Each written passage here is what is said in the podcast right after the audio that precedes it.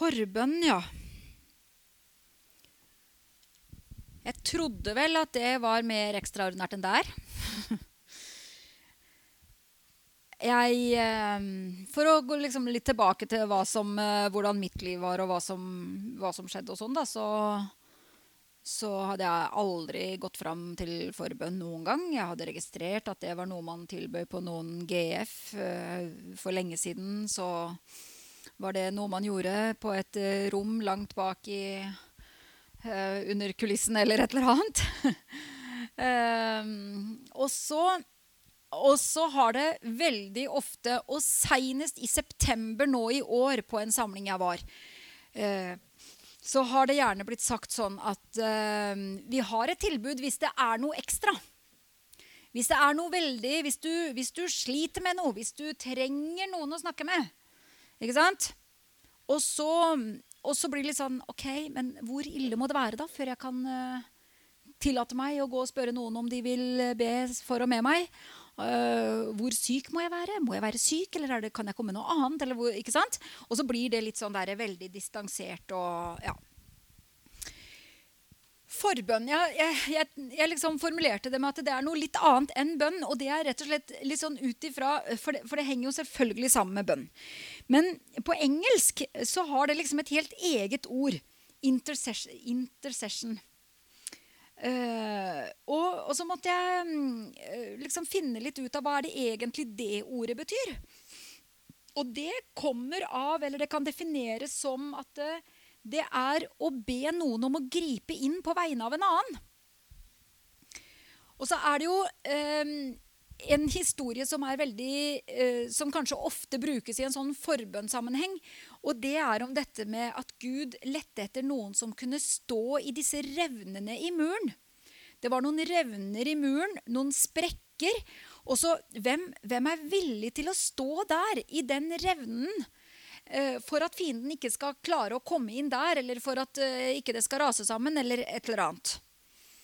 Uh, og så, uh, og så uh, bruker man gjerne en sånn betegnelse på det å være i forbønn for noen, at man er villig til å stå der i den revnen eller i det gapet.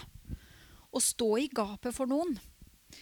å gå i forbønn for noen som å være en slags advokat. og tale da den andre mannens eller, eller kvinnens sak, dette menneskets sak. Og tale dens sak innenfor Gud. I katolisismen så har de presten til det, og de går til presten og ber presten om å be. Eh, jeg har blitt kjent med ei gammel dame som er et veldig bønnemenneske. Uh, hun er en sånn uh, byoriginal som, som, blir veldig synlig når hun er i bybildet, og alle vet hvem hun er. på en måte. Og så har jeg blitt kjent med henne, og så har jeg virkelig fått se litt av hva som er hennes bønneliv. Uh, og, så, og, så, sier hun ofte Jeg vet ikke om jeg får bedt sjøl, men jeg skal be Jesus om å gjøre det. Og når det gjelder forbønn, så er jo Jesus et forbilde. Eh, det er han jo selvfølgelig på dette å være den tette relasjonen med også. Eh, Jesus brukte mye tid alene med Gud eh, og trengte å være avsides for å, for å ja, for, Som han sa, Gud og jeg er ett, osv. Men når det gjelder forbønn Så hvis vi er tilbake til Johannes, og i Johannes 17 så sier Jesus og egentlig helt ned til ja, et godt stykke, så sier Jesus Jeg ber for dem jeg ber ikke for verden, men for dem som du har gitt meg, for de er dine. Alt mitt er ditt, og det som er ditt, er mitt, og jeg er blitt herliggjort gjennom den. Så liksom minner han Gud på, på dette tette forholdet som de to har, og at de to er ett. Og så sier han jo at jeg blir ikke lenger i verden, men de er i verden. Og jeg går til deg. Men Hellige Far, bevar dem i ditt navn det navnet som du har gitt meg, så de kan være ett, akkurat som vi er ett. Og så fortsetter den nedover, og så kan vi hoppe til, eh, til vers 15. Jeg ber ikke om at du skal ta dem ut av verden, men at du skal bevare dem fra det onde. De er ikke av verden slik jeg ikke er av verden. Hellig dem i sannhet. Ditt ord er sannhet. Som du har sendt meg til verden, har jeg sendt dem til verden. Jeg helliger meg for dem, så også de skal helliges i sannhet. Og så sier han igjen, jeg ber ikke bare for dem. Eller han fortsetter, mener jeg. Jeg ber ikke bare for dem, men også for dem som gjennom deres ord kommer til tro på meg. Altså du og jeg. Ikke sant?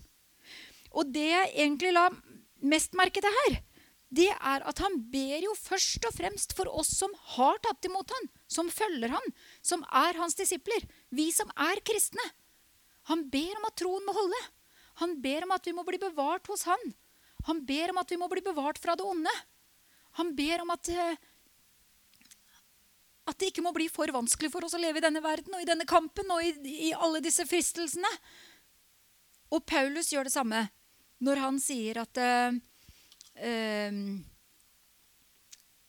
Jeg ber for dere at troen deres ikke må svikte.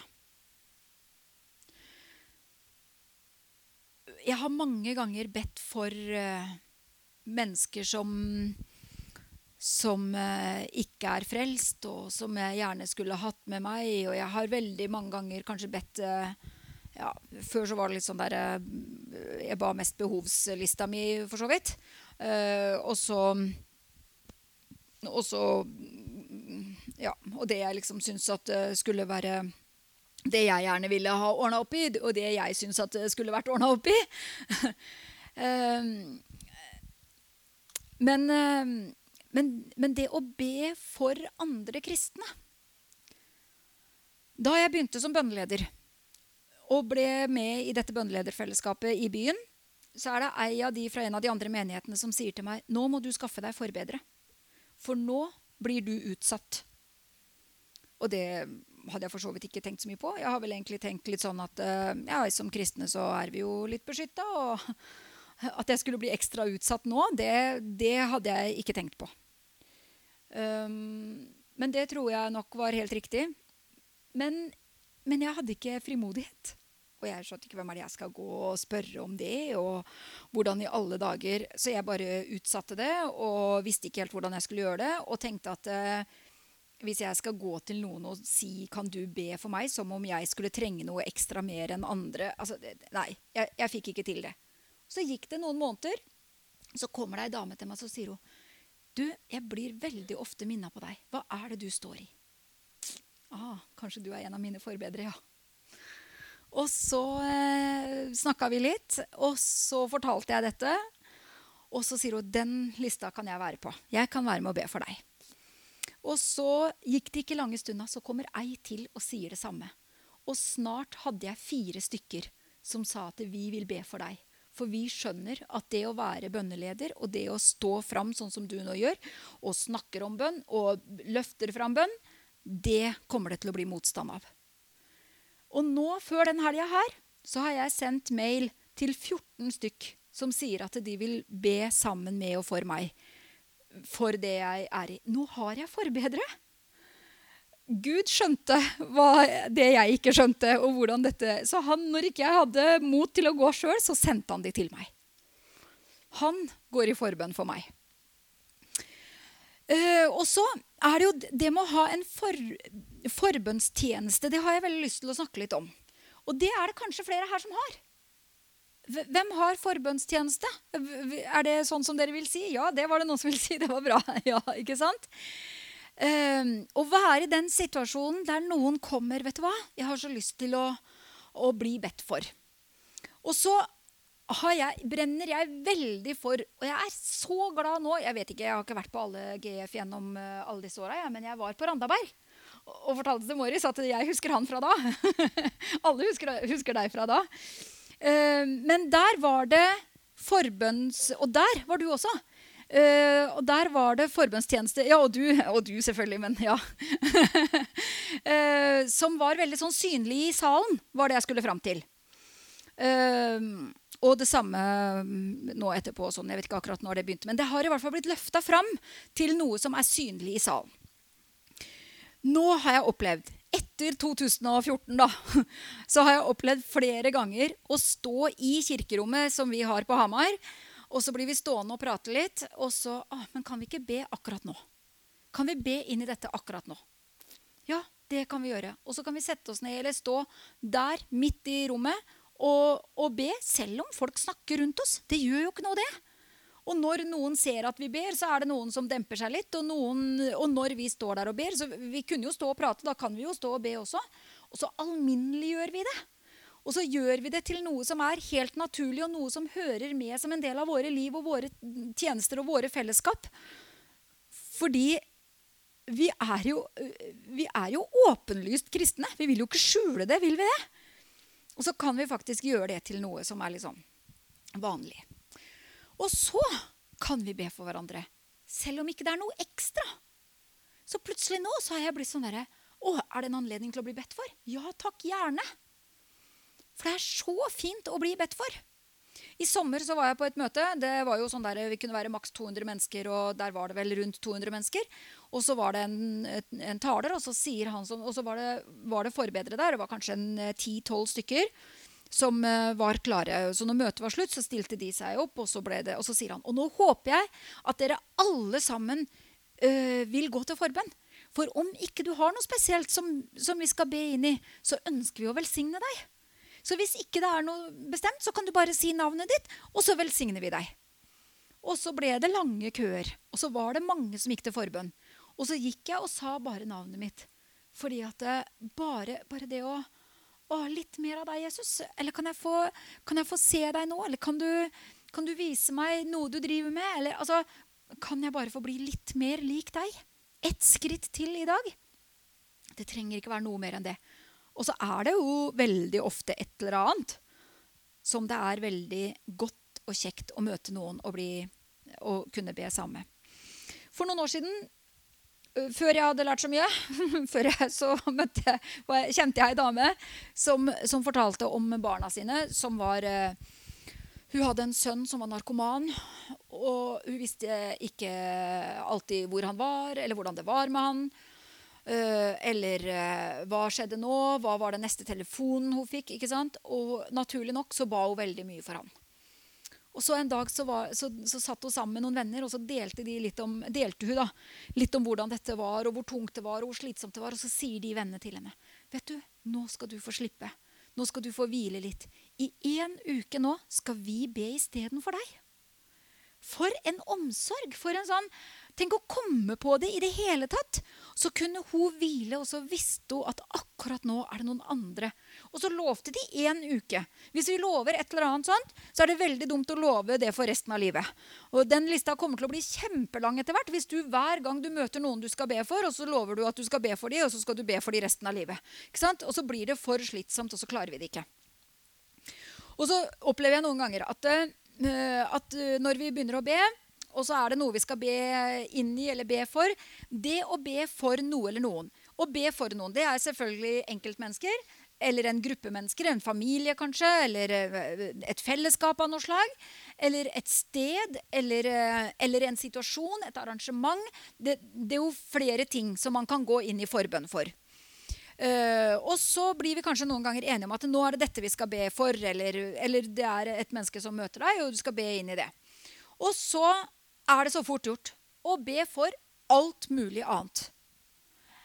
No, og, så, og, og, så, tenker jeg liksom mm, OK, men var det det vi ble enige om nå?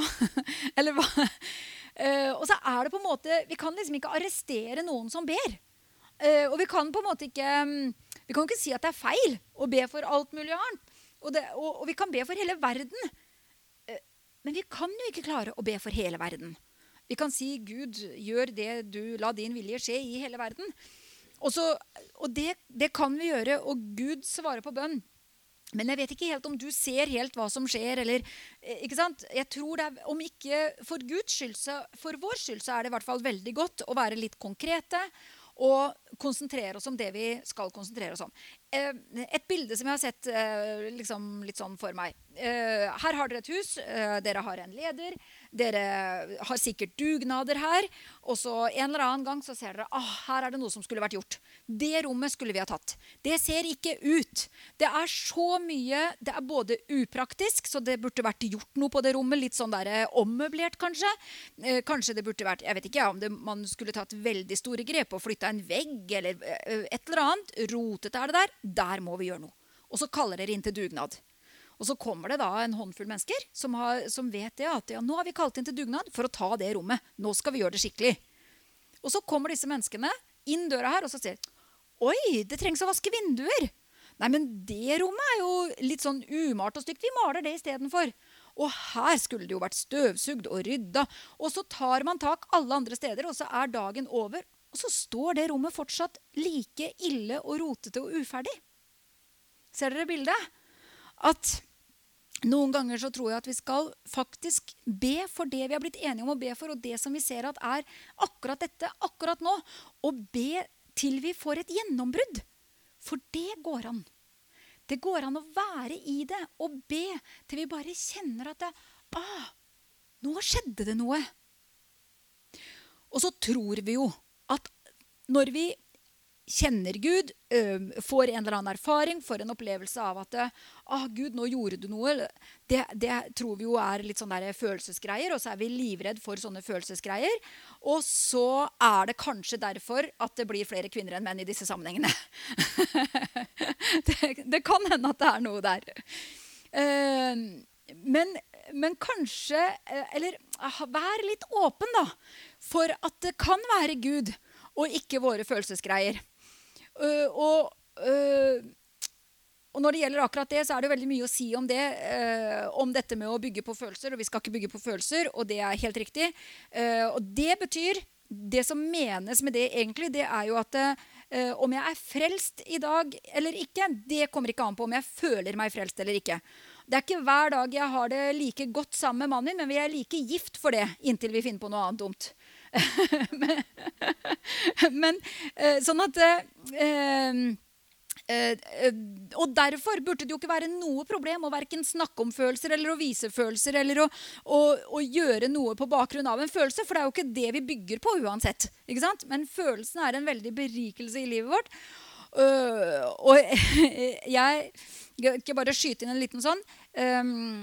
Jeg kjente en gang veldig på for ikke lenge siden Men det var, du vet, det er noen mennesker som man ikke alltid kommer like godt overens med. Og jeg hadde veldig Og jeg var så irritert. Og jeg var så frustrert. Og jeg, og jeg kjente at jeg, det mennesket prøver jeg faktisk å unngå. Så tenkte jeg dette, dette går ikke lenger. Dette er sikkert noe av det der grumset uh, som gjør at sevja ikke flyter helt fritt i treverket her. ikke sant? Og så snakka jeg med hun min veldig gode venninne som jeg refererte til i stad. Så sa jeg dette, dette må jeg ha hjelp med. Og så hjelper hun meg med å se at hvis du ikke Jeg har vært sammen med deg en gang som du har reagert. Og det var helt naturlig å reagere på akkurat det. Og hvis du ikke hadde reagert, så hadde du vært død. Ikke sant? Så det er, det er, menneskelig og naturlig. Følelsene våre er der. Som de er berikende, de viser oss ting. De, de skal vi både ta på alvor og ikke være så redde for å vise. Uh, og noen ganger så tror jeg da at det er Gud som rører ved oss i de følelsene. Og vi kan kjenne etter og vi kan forstå at det er Gud. For er jo, han bor jo i oss, så hvorfor i alle dager skulle det ikke være han? Ok, parentes slutt, eller noe sånt. Um, men um, Hvor var jeg? Om å be for, ja. Å forstå at det er Gud. Der var jeg. Uh, å be om gjennombrudd. Og når man får den følelsen av at ah, nå tror jeg vi har bedt nok, da kan vi gå. Da kan vi, da kan vi da får vi den der fornemmelsen av at Gud sier noe til oss. Da kan vi takke. Takk, Gud, for at du driver med det du driver med. Takk for at du har hørt dette. Takk for at du er midt i det. Og så um, Ja. Og så er det å være for, i forbønn for, for, ting og tang, og, og, eller for arrangement, eller for noe sånn Og også det å eh, Det å um, be om det vi faktisk skal be om, da. For det tror jeg Jeg tror det er noe med det å, å liksom rydde litt i eh, I eh, og, der, eh, I dette generelle. I å be veldig sånn Vi vil be for alt på en gang, liksom. Så det er litt det jeg ville mm, oppmuntre litt til, eller eh, ja. Um, når det gjelder uh, Jeg skal si litt mer om det å, å være uh, Å være forbeder for noe. Uh, å være forbeder for noen, da. Et, et, menneske som kommer til deg. Du har sagt deg villig til å, til å be for noen. Da er det veldig viktig at du også har erfaring med å bli bedt for. Så jeg vil anbefale alle dere som er forbedere, til sjøl å skaffe dere forbedere. Kanskje må dere gjøre det på samme måte som meg, som ikke turte å spørre noen. Men, øh, øh, men, men du har kanskje en venn eller venninne. Du har kanskje noen Kanskje dere som er forbedere, kan være forbedere for hverandre. Uh, og gi beskjed når dere står i noe. Vær, vær, i bønn før du skal være en forbeder. Det er ikke uvanlig eller ikke usannsynlig at djevelen vil prøve å stoppe det. Er det noe han vil, så er det jo å stoppe bønn. Fordi han vet at det eneste som kan stoppe han, er bønn. Og da er vi tilbake på der at det er ingenting som er så viktig som bønn. Og det er ikke noe som kan erstatte bønn av alt vi driver med, i arbeidet i Guds rike. Så du som er en forbeder, du bør ha noen som ber for deg, og du bør ha erfaring med å bli bedt for, og med å snakke med mennesker om det som er inni deg. Um, når det da kommer noen til deg, så er det jo kjempeviktig at du lytter. At du ser, at du er interessert at du er interessert i litt mer enn det du ser. For det er jo det som er inni oss, som vi gjerne trenger å snakke om da. Og så er det viktig at du ikke blir sjokkert over det du hører. Og så er det viktig at du, at du tåler å høre det. At du forstår at dette er helt menneskelig. Sånn kan det være. Selv om ikke du har kjent på det sjøl, og selv om du uh, tar avstand fra det du hører, eller uh, Ikke sant? Men sånn kan det være. Og så er det kjempeviktig at du ikke blir sjokkert når vedkommende kommer tilbake og forteller at han har falt i det igjen og igjen. På den måten så blir du Guds utstrakte hånd. Du blir på en måte eh, da, Det blir en slags inkarnering av Guds ubeskrivelige Alltid. Eh, igjen og igjen og igjen så, så er Gud der for å reise opp igjen når vi kommer til Han med våre problemer. Og når de kommer til deg, så du er en slags mellommann mellom Gud og det mennesket. Ikke sant? Du blir denne advokaten. Eh, det som jeg snakka om at prestene gjorde for katolikkene, det kan alle vi gjøre for våre medmennesker.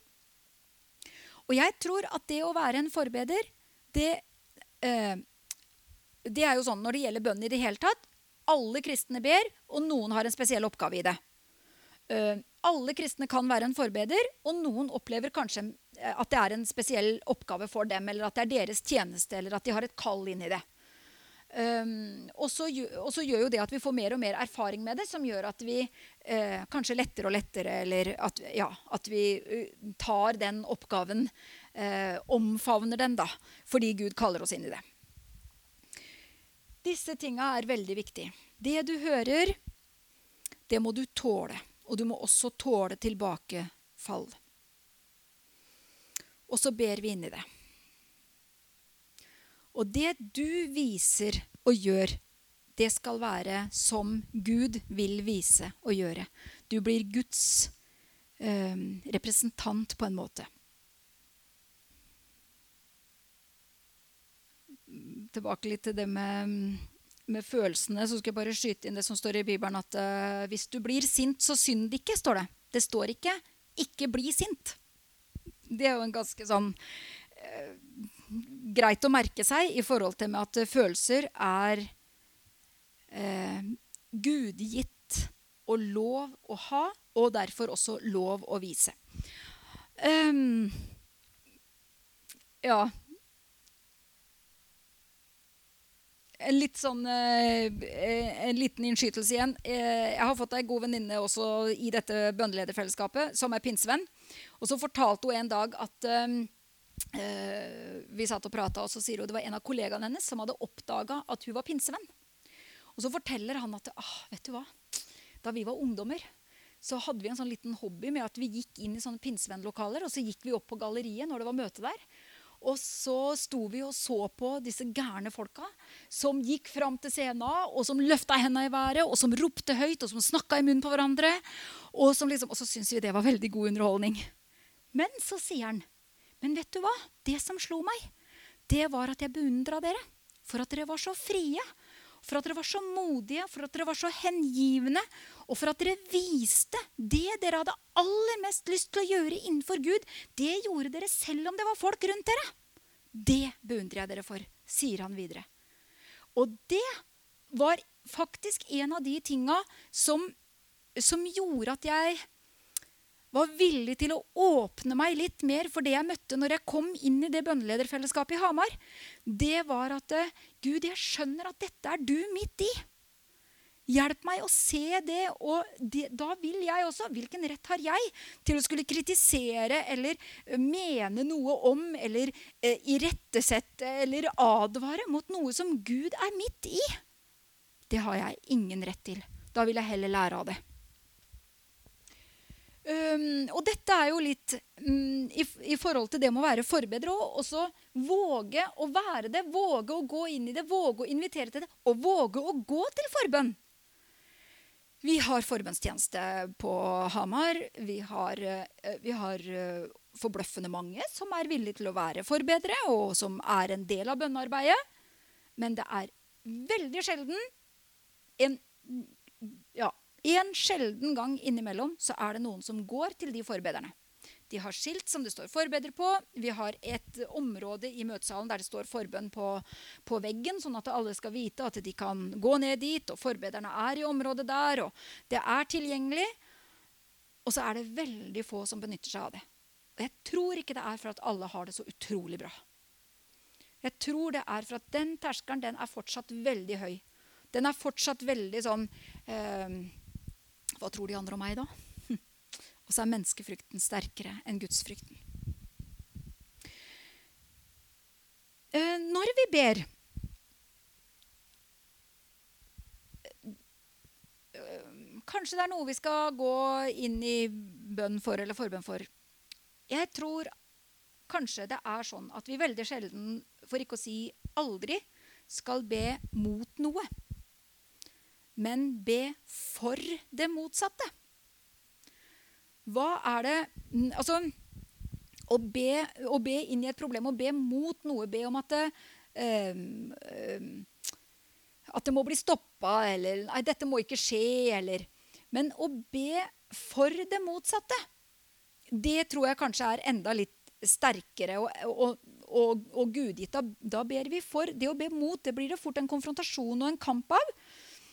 Mens å be for, da blir det litt sånn som at eh, når, når, du er i et mørkt rom, og det er lys i rommet ved siden av, og åpner døra, så er det ikke den mørke stripa som glir inn i det lyse rommet. ikke sant? Det er den lyse stripa som glir inn i det mørke rommet. Jeg, jeg tror at det blir litt den samme effekten på en måte der. Det er et veldig godt eksempel på akkurat det. Abortloven i Norge.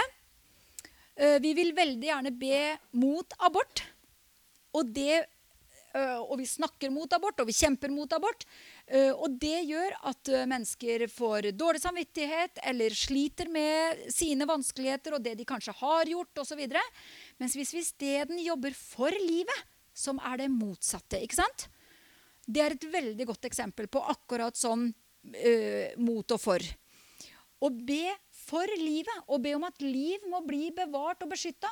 Og be om at uh, at livet skal bli framelska. Uh, og nå Ja, der kan vi gå inn. Vi kan, vi kan hjelpe de som da velger å bære fram det barnet, osv. Når du står overfor en eller annen utfordring, og det mennesket du skal be for, er i en eller annen utfordring, kanskje du skal be om å få se hva er det som skal bes fram her. Hva er det som skal, ikke hva er det som skal bes imot, men hva er det som skal bes fram. Og så kan du se litt framover for dette mennesket. Hvordan, hvordan, tenker du at det ser ut, det som det mennesket står i? Um, skulle kanskje hatt et veldig godt eksempel, men, um, men uh, la oss si da at uh, uh, om noen måneder så ser jeg for meg at du er en du er en eh, veldig god eh, mor eller en veldig god lærer, eller du har en tjeneste i Guds rike, eller Ikke sant? Og så ber vi for at det skal skje. Vi ber at, om at du skal bli eh, moden, at du skal vokse i Jesus. Skal, og, så, og, så, har du fått høre noe nå da, som er et eller annet problem eller en utfordring. Så ber vi om frihet fra noe som binder. Vi ber for Vi ber ikke mot det som binder, men vi ber om frihet for øh, Fra det som binder. Frihet fra det som binder. Det skal være, Og det er på en måte å være litt sånn profetisk. da. Og det er jo ord som øh, vi kanskje ikke bruker så ofte. I hvert fall ikke øh, jeg og i vår sammenheng.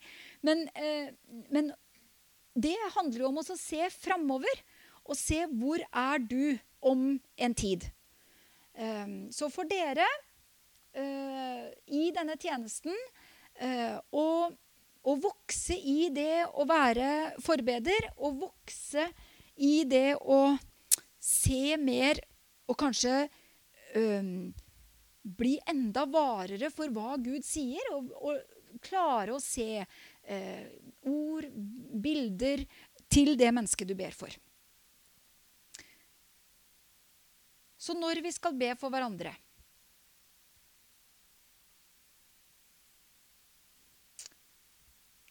han eh, som, På dette møtet som jeg var i sommer, kanskje jeg skal fortelle det. Uh, som jeg sa at uh, det, Vi var ca. 200 der, og så, og så, sa han at jeg håper at dere alle sammen går til forbønn. ikke sant? Og så gikk jeg dit, og så sa jeg bare navnet mitt. Men rett i forkant så sto jeg og tenkte jeg, åh Gud. For jeg sto i denne køen, da. Og, så, og jeg syns jeg hadde så veldig god tid. Og det, Jeg pleier å være litt sånn utålmodig og synes det er kjedelig å bli stående. og hva skal jeg gjøre mens jeg står der?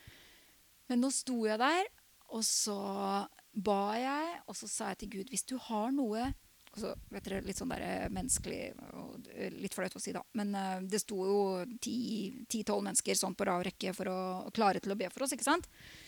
Og så tenkte jeg litt sånn mm, Jeg vil ikke til hun, hun er for ung. Eller til han, er han så kjedelig ut. Eller ikke sant? litt sånn mm, Unnskyld. Unnskyld. men, uh, men, så, men så sto jeg sånn og så sa jeg, Nei, Gud, nå, send meg bare til den som, eh, den som hører fra deg, eller som, som, klarer å få noe til meg. Hvis du har noe til meg i dag, så vil jeg veldig gjerne. Men, men hvis ikke du har noe, så er det helt greit. Eh, jeg vil bare gå til forbønn uansett. Og så, hvis ikke det er noe spesielt i dag, så, så spiller det ingen rolle, Gud. Du skal ha ære uansett. Det er for deg uansett. Eh, bare, bare la det bli som du har tenkt. Og så sto jeg der og syntes det, det spilte ingen rolle hvor lang tid det tok. Og jeg tenkte at her kommer de til å be til denne køen er over uansett. Så det, det, jeg har god tid. Og så mm, var det noe liksom Folk kom i, Køene gikk nå litt framover. Og så var det ei dame som ble ledig. Når, var, uh, var, når, jeg var fremst, da, så var jeg på tur til hun, men så var det liksom flere køer, og så var det ei som smatt rett foran meg til henne, så jeg bare trakk meg sånn et skritt tilbake. Så tenkte jeg, det er helt greit, jeg bare venter litt til. Så kommer han som hadde talt bak meg, og så sier han bare sånn, kom til meg, du. Så hadde han bare vært borte og gitt en beskjed, og så kom han tilbake og var også klar for å be. Og så, og så sto vi og ba litt, og vi hadde vært sammen på en samling før denne samlinga også, så vi hadde liksom hilst på hverandre før, da, men ikke, ikke, noe mer enn det. Så bare sa jeg navnet mitt. Ja, så du, ja skal jeg bare velsigne ja, sier han. Og så, så inviterer han Den hellige ånd og liksom sier 'Kom, Gud', et eller annet, bare sånn innledningsvis. Og så blir han stille. Så skjønner jeg tenker jeg at uh, han ber jo fortsatt. Det var liksom ikke sånn at uh, Jeg hadde ikke noen opplevelse at han hadde avslutta, så jeg gikk ikke. Og så begynner han å be. Og da ber han bare de tankene han har fått. Og det var så, det var så fullt av oppmuntringer og uh, masse som var bare sånn derre Wow, Gud! Så når jeg dro derifra, så var det jo det jeg satt igjen med som en sånn Dette var et kjempebra møte. Uh, og talen var bra. Men, men, det var jo den opplevelsen som gjorde at jeg hadde fått et møte med Gud der og da. Og han ba for familien min, og han ba for tjenesten min. og han ba. Så når jeg gikk og satte meg igjen, så måtte jeg bare sette meg ned og skrive. For dette hadde jeg lyst til å skrive ned. Og det ble seks punkt av forskjellige ting som han ba inn i med de tankene han kom med. Og det var positivt. Veldig, veldig, veldig ofte. Jeg tror jeg kan si nesten alltid så, så får du positive ting som du skal be for den personen du ber for. Og de tankene du får, vær frimodig og be det. Be det høyt når det er positivt, så har du ikke gjort noen skade om, du, om, det på en måte ikke traff noe spesielt hos det mennesket. Noen ganger treffer det rett inn i noe, og noen ganger så gjør det ikke det. Og så kan det bare få lov å liksom bli glemt. Det er ingen fare. Og mange ganger når jeg har bedt, eller vært i samtale med noen og, og bedt for noen, så ber jeg Gud hvis jeg nå sa noe som bare var fra meg, så må du la det bare falle dødt til jorda. Men hvis jeg ba noe som var fra deg, så må du la det spire og gro og bli til vekst i vedkommende sitt liv. Det er også en veldig sånn Da kan jeg på en måte rense meg sjøl litt fra det, som, fra det som har vært. Jeg vet ikke hvordan dere har det med hvordan, slags, hvordan erfaring dere har med å få bibelvers eller ord eller bilder til den dere ber for. Jeg har ikke sånn veldig mye erfaring med det, men, men litt. Og mer og mer. Og noen ganger er det så tydelig. Som en gang da jeg sto og ba for ei dame, og så så jeg bare så masse blomster. Jeg, jeg lokka igjen øya, og jeg holdt hånda på henne. Jeg vet ikke åssen dere gjør det nå. Ja. Det er jo egentlig ikke lov, det nå. Ikke sant? Så må vi ha litt avstand. sånn. Men det var jo når det var lov, da. Og så, og så ba jeg, og så så jeg alle disse blomstene. Og det var forskjellige blomster, og det var masse forskjellige farger. Og det var, det var ganske tydelig et bilde. Og så, og så når vi var ferdig, da, så visste jeg liksom ikke helt Skal jeg si dette, eller hva? Og så ble det liksom der, Idet jeg sa det, så ble det på en måte enda sterkere. Og så, og så, fortalte jeg henne det at når jeg ba for deg nå, så så jeg denne blomsterenga som var sånn derre og, ja, og i det jeg sa det, så kom jeg på kanskje det betyr at det kommer til å blomstre etter deg eller i ditt liv eller i din tjeneste. Og hun ble veldig oppmuntra. Og hva, som, hva, det, hva, det, førte til, det vet jeg jo ikke. Men, men jeg tror at det er å, å liksom ta på alvor det jeg får. Og når jeg tar på alvor det jeg får, eller når du tar på alvor det du får, så kan det bli forsterka, og så kan du få mer. Hvis du avviser det og tenker at 'nei, jeg tør ikke', eller 'nei, det var sikkert bare meg', så tror jeg heller at det holdes nede. Det blir litt sånn som med de plantene som du bare fjerner og fjerner. og fjerner. Blir, de får ikke blitt så veldig store. Mm. Jeg hadde jo tenkt at vi skulle be for hverandre. Jeg har litt lyst til at alle dere skal få muligheten til å bli bedt for. Og at alle vi, eller den som vil, Selvfølgelig er det frivillig, da. Både å bli bedt for og å be for. Jeg har en, en eh, sånn oljeflaske, sånn at vi kan salve og be for. Eh, jeg tenker at det kan gjøres uh, også i forhold til tjeneste. Og, uh, og salve og be for um, om utrustning og vekst i den tjenesten du er i. Og så gjør vi selvfølgelig det i forhold til sykdom. Og, så, og hvis du ikke har en sånn oljeflaske og ikke, ikke, er vant til å bruke det, så er jo det noe du kan kjøpe deg og ha i veska. Jeg hadde min i veska i fire år før jeg endelig fikk brukt den. og da var det for en som var syk.